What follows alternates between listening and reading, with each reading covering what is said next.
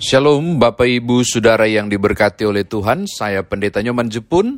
Saya mengajak saudara untuk membuka surat Filipi, Filipi pasal 2 ayat 25 hingga ayat 30. Filipi pasal 2 ayat 25 hingga ayat yang ke-30, sebelumnya mari kita satu dalam doa, kita berdoa. Bapa Surgawi, kami mau mendengarkan firman-Mu dari Alkitab yang sebentar akan kami baca. Tolonglah kami untuk memahami kekayaan firman Tuhan ini dan mengerjakannya demi Tuhan Yesus Juru Selamat kami berdoa. Amin. Bapak Ibu Saudara Filipi pasal 2 ayat 25 hingga ayat yang ke-30 saya bacakan untuk saudara. Sementara itu kuanggap perlu mengirimkan Epafroditus kepadamu, yaitu saudaraku dan teman sekerja serta teman seperjuanganku yang kamu utus untuk melayani aku dalam keperluanku. Karena ia sangat rindu kepada kamu sekalian dan susah juga hatiku sebab kamu mendengar bahwa ia sakit. Memang benar ia sakit dan nyaris mati, tetapi Allah mengasihani dia dan bukan hanya dia saja, melainkan aku juga supaya duka citaku jangan bertambah-tambah. Itulah sebabnya aku telah cepat mengirimkan dia.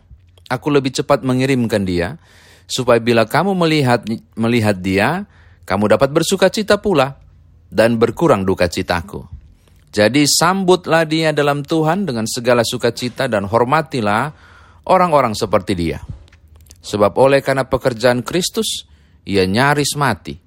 Dan ia mempertaruhkan jiwanya untuk memenuhi apa yang masih kurang dalam pelayananmu kepadaku. Demikian firman Tuhan.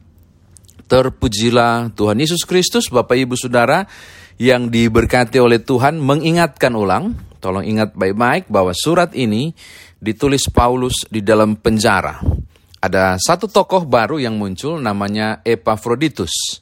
Epafroditus ini dalam bahasa Yunani berarti yang cantik atau yang mempesona. Ini nggak tahu nih kok dia uh, namanya nama bermakna perempuan padahal dia seorang laki-laki. Cantik yang mempesona. Dikisahkan bahwa Bapak Ibu di ayat yang ke-25 tokoh ini disebut Epafroditus Epafroditus ini disebut sebagai saudaraku dan teman sekerja serta teman seperjuanganku yang kamu utus melayani aku dalam keperluanku. Tolong tolong periksa teks ini ya. Ini supaya kita paham. Paulus sedang di penjara, lalu kemudian jemaat Filipi mengutus seseorang. Seseorang itu bernama Epafroditus. Apa tugasnya? Tugasnya adalah melayani Paulus dan segala keperluannya selama menjalani tahanan. Oke, saya ulangi. Ada satu orang yang diutus oleh Fili, oleh jemaat Filipi untuk melayani keperluan keperluan Paulus. Tidak jelas kata melayani keperluan Paulus ini adalah apakah berhubungan dengan tugas pengutusan gerejawi atau berhubungan dengan tanggung jawab seorang upahan, pesuruh, atau seorang pelayan yang melayani tuannya. Tidak jelas di sini. Tidak jelas. Tapi yang pasti ada orang yang diutus. Menarik perhatian saya adalah apakah dia bertugas menemani Paulus di penjara atau dialah yang memasok makanan atau apa pun. Atau dia yang menemani kesepian Paulus, saya nggak tahu. Saya nggak tahu. Tetapi yang membuat saya tertarik untuk berbagi dengan Bapak Ibu sekalian, ayat 25 itu Paulus bilang begini tentang Epafroditus. Saudaraku, teman sekerja, serta teman seperjuanganku. Coba lihat. Saudaraku, teman sekerja, serta teman seperjuanganku. Ini juga misteri. Apakah orang ini sejak dulu dikenal oleh Filipus? Oleh oleh Paulus? Atau jadi akrab? Jadi akrab setelah Paulus di penjara dan dia yang sibuk hari-hari melayani. Dua opsi ini. Tapi yang pasti ada hal besar yang dibuat oleh Epafroditus ketika Paulus sedang susah-susahnya di penjara. Ada hal besar yang dia buat. Entah memasok makanan, menjadi teman untuk bercerita, menemani dia, berbicara tentang iman dan seterusnya. Karena bicara soal teman sepelayanan rasanya barangkali dia juga yang membantu menulis-nulis surat, saya nggak tahu. Tapi yang pasti kedekatannya dengan Paulus hampir setara kedekatan Paulus dengan Timotius. Nanti baca ayat 19 sampai 24. Ada sesuatu yang dibuat. Yang akhirnya Paulus bilang begini, Epafroditus itu saudaraku loh. Epafroditus itu teman sekerjaku. Opa, eh, opa, uh, uh, Epafroditus itu teman seperjuanganku. Dari status utusan, utusan Filipi, Epafroditus berubah menjadi saudara, teman sekerja, teman seperjuangan. Ada sesuatu yang dia bikin. Sampai Paulus tanpa ragu menyebut kata itu, saudaraku. Oke, ini catatan pertama. Yang kedua Bapak Ibu, apa sih yang dibuat oleh Epafroditus? Ya, kembali pertanyaannya, yang dibuat oleh Epafroditus sampai kemudian Paulus bilang dia saudaraku, dapat status baru, dia teman sekerjaku, dia teman seperjuanganku. Coba lihat ya, ayat 26. Karena ia eh, ayat 20, 27. Memang benar ia sakit dan nyaris mati dari kata pora holeusamenos. Pora holeusamenos itu berarti sedang mempertaruhkan hidup dari uh, dari suku uh, kosakata perjudian sedang mempertaruhkan hidup jadi antara hidup dan mati ada sesuatu yang dibuat oleh Epafroditus sampai dia pertaruhkan hidup dan hampir mati alias sakit. Berarti Bapak Ibu, diduga cukup kuat. Epafroditus itu, Epafroditus itu melakukan pekerjaan fisik. Sangat mungkin. Perjalanan dari Filipi ke Roma sudah cukup jauh. Lalu dia sibuk melakukan segala hal. Tolong lihat ayat 30 Sebab oleh karena pekerjaan Kristus ia nyaris mati dan ia mempertaruhkan jiwanya untuk memenuhi apa yang masih kurang dalam pelayananmu kepadaku. Jadi segala kebutuhan-kebutuhan Paulus di penjara itu dipasok terus dan disiapkan oleh Epaphroditus. Jadi dia berkorban banyak tentang hal-hal fisik. Efeknya dia sakit. Bahkan dia mengalami kondisi para menos tadi mempertaruhkan nyawa, mempertaruhkan hidup, dan hampir mati. Syukur Tuhan tolong dia. Oke, ini catatan kedua. Catatan yang ketiga, Bapak Ibu Saudara, menarik perhatian saya ada pada ayat yang ke-27. Tapi dia nggak jadi mati, kata Paulus. Nggak jadi mati kok. Mengapa? Karena Tuhan mengasihinya. Lalu Paulus tambahkan, juga ini untukku. Coba lihat ya. Uh, tetapi Allah mengasihi dia, dan bukan hanya dia saja, melainkan juga supaya duka citaku jangan bertambah-tambah. Tangkap Bapak Ibu. Kesembuhan uh, Epafroditus itu adalah perbuatan Allah untuk Epafroditus. Tapi Paulus bilang, kesembuhan Epafroditus juga adalah perbuatan Allah untuknya. Mengapa? supaya jangan bertambah dukaku. Wah, ini keren nih. Ini keren banget nih. Ayat 27. Apa maksudnya Bapak Ibu? Ketika Paulus menganggap orang lain seperti, uh, seperti Epaphroditus itu bagaikan saudara, dia betul-betul melakukan empati, yaitu meminjam sepatu orang lain. Epaphroditus sakit, Paulus rasa sakit luar biasa. Epaphroditus kemudian sembuh oleh Tuhan, Paulus bilang itu bukan Tuhan bikin for dia, tapi Tuhan juga bikin for saya. Saya juga rasa sukacita, biar tidak bertambah dukaku. Saudara tangkap maksud saya. Ini bukan omongan doang tentang status perubahan status Epafroditus dari seorang utusan menjadi saudara Paulus, bukan omongan. Tapi memang dimaknai secara nyata oleh Paulus. Epafroditus sakit, Paulus rasa sakit. Uh, dia rasa bagaimana siksanya Epafroditus, Paulus merasakannya juga. Ini soal sense of belonging, rasa memiliki, sense of humanity, kepedulian yang luar biasa. Ini catatan saya yang ketiga. Yang keempat, yang terakhir Bapak Ibu lihat ayat 30.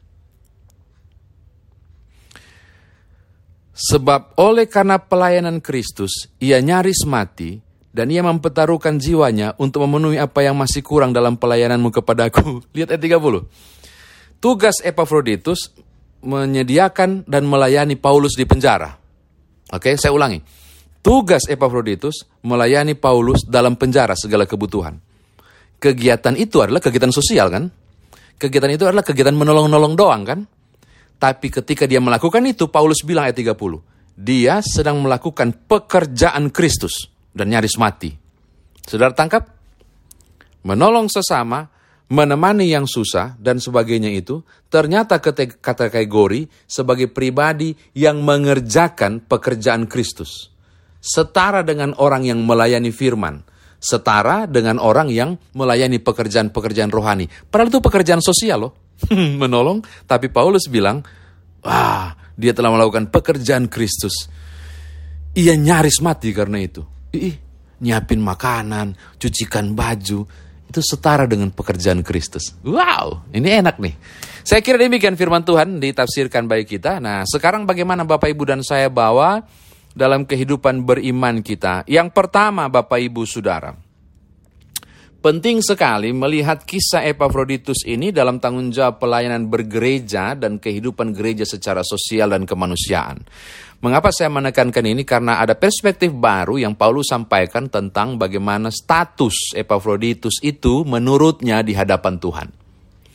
Epaphroditus yang hanya sibuk melayani kebutuhan-kebutuhan Paulus dalam pelayanan dan hampir mati karena itu oleh Paulus di ayat 30 disebut sebagai seorang pelayan Tuhan. Yaitu mereka yang mengerjakan pekerjaan Kristus. Saya mau katakan hal yang pertama kepada Bapak Ibu. Ini menarik. Kalau saudara membaca Matius pasal 25 ayat 40, kan ada perumpamaan tentang orang-orang yang dalam penjara yang tidak ditolong, lalu ada yang berkata, Tuan, bila manakah engkau lapar dan kami memberi engkau makan. Bila manakah engkau haus dan kami memberi engkau minum. Bila manakah engkau dalam penjara dan kami mengunjungi engkau. Lalu di, di Matius pasal 25 ayat 40 Yesus mengatakan, barang siapa melakukan segala sesuatu kepada saudaraku yang paling hina ini, dia telah melakukannya untuk aku. Saudara lihat, saudara tangkap ini, yang saya mau katakan Bapak Ibu ini menarik. Epaphroditus mengerjakan pekerjaan-pekerjaan sosial, bantu-bantu saja, siapkan baju barangkali, siapkan makanan atau temani Paulus ketika menulis surat di penjara atau apa pun. Ternyata itu bisa dikategori sebagai seorang yang sedang melayani Kristus pada pekerjaan Kristus.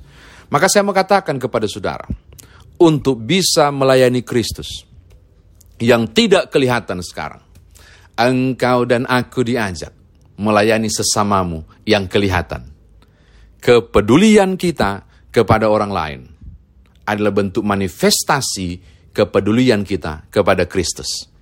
Melakukan pekerjaan-pekerjaan menopang dan orang-orang yang membutuhkan.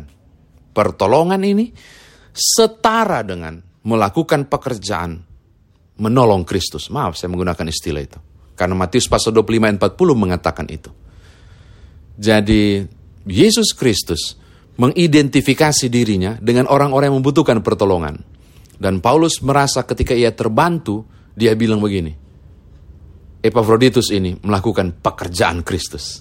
Saya mau katakan hal yang sama kepada saudara ketika engkau ringan menolong, membantu orang lain. Barangkali saudara hanya melihat, ah saya cuma tolong padia kuat. Eh, Tuhan memandangnya berbeda. Bahwa engkau sedang melayani dia. Bukan dia huruf kecil D-nya, tapi dia raja di atas segala raja. Ketika engkau sedang menopang orang yang membutuhkan, sesungguhnya engkau sedang melayani Tuhanmu. Ini luar biasa loh. Oke, okay? ini hal yang pertama.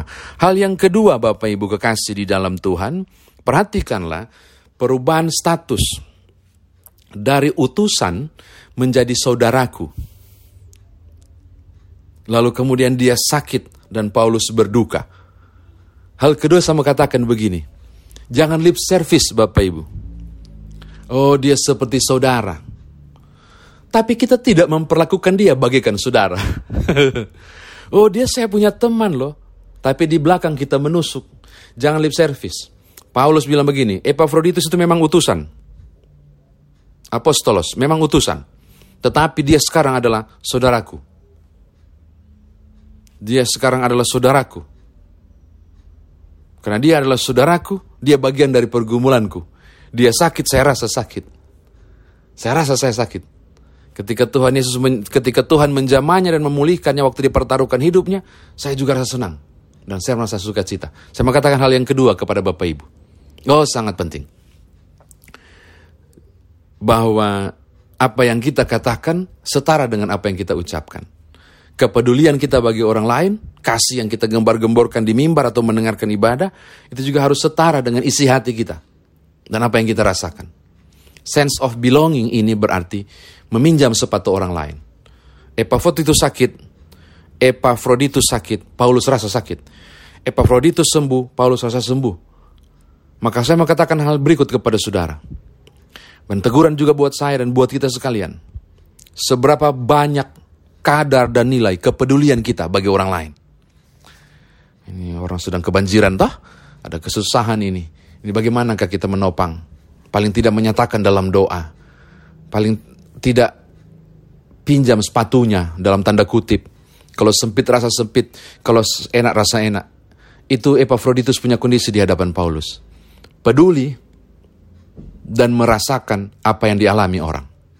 Itu menunjukkan bahwa saya dan saudara memang mengatakan kepada orang itu, engkau bukan orang lain, tapi engkau adalah saudaraku. Terakhir Bapak Ibu, yang dikasihi oleh Tuhan, pekerjaan-pekerjaan sederhana yang saudara lakukan dengan sukacita dan dengan tulus. Itu setara dengan pekerjaan-pekerjaan untuk Tuhan. Dan ini yang dilakukan oleh Epafroditus yang cuma berada di luar penjara, yang masuk menjadi juru bicara Filipi, yang menyediakan kebutuhan-kebutuhan Paulus. Hal sederhana, tapi ketika dia melakukan dengan sepenuh hati dan sukacita, Hal-hal itu dianggap sebagai pekerjaan-pekerjaan untuk Tuhan. Lakukanlah hal, -hal sederhana dengan tulus. Lakukanlah hal-hal sederhana dengan sukacita. Kiranya Bapa di sorga tersenyum untukmu dan untukku.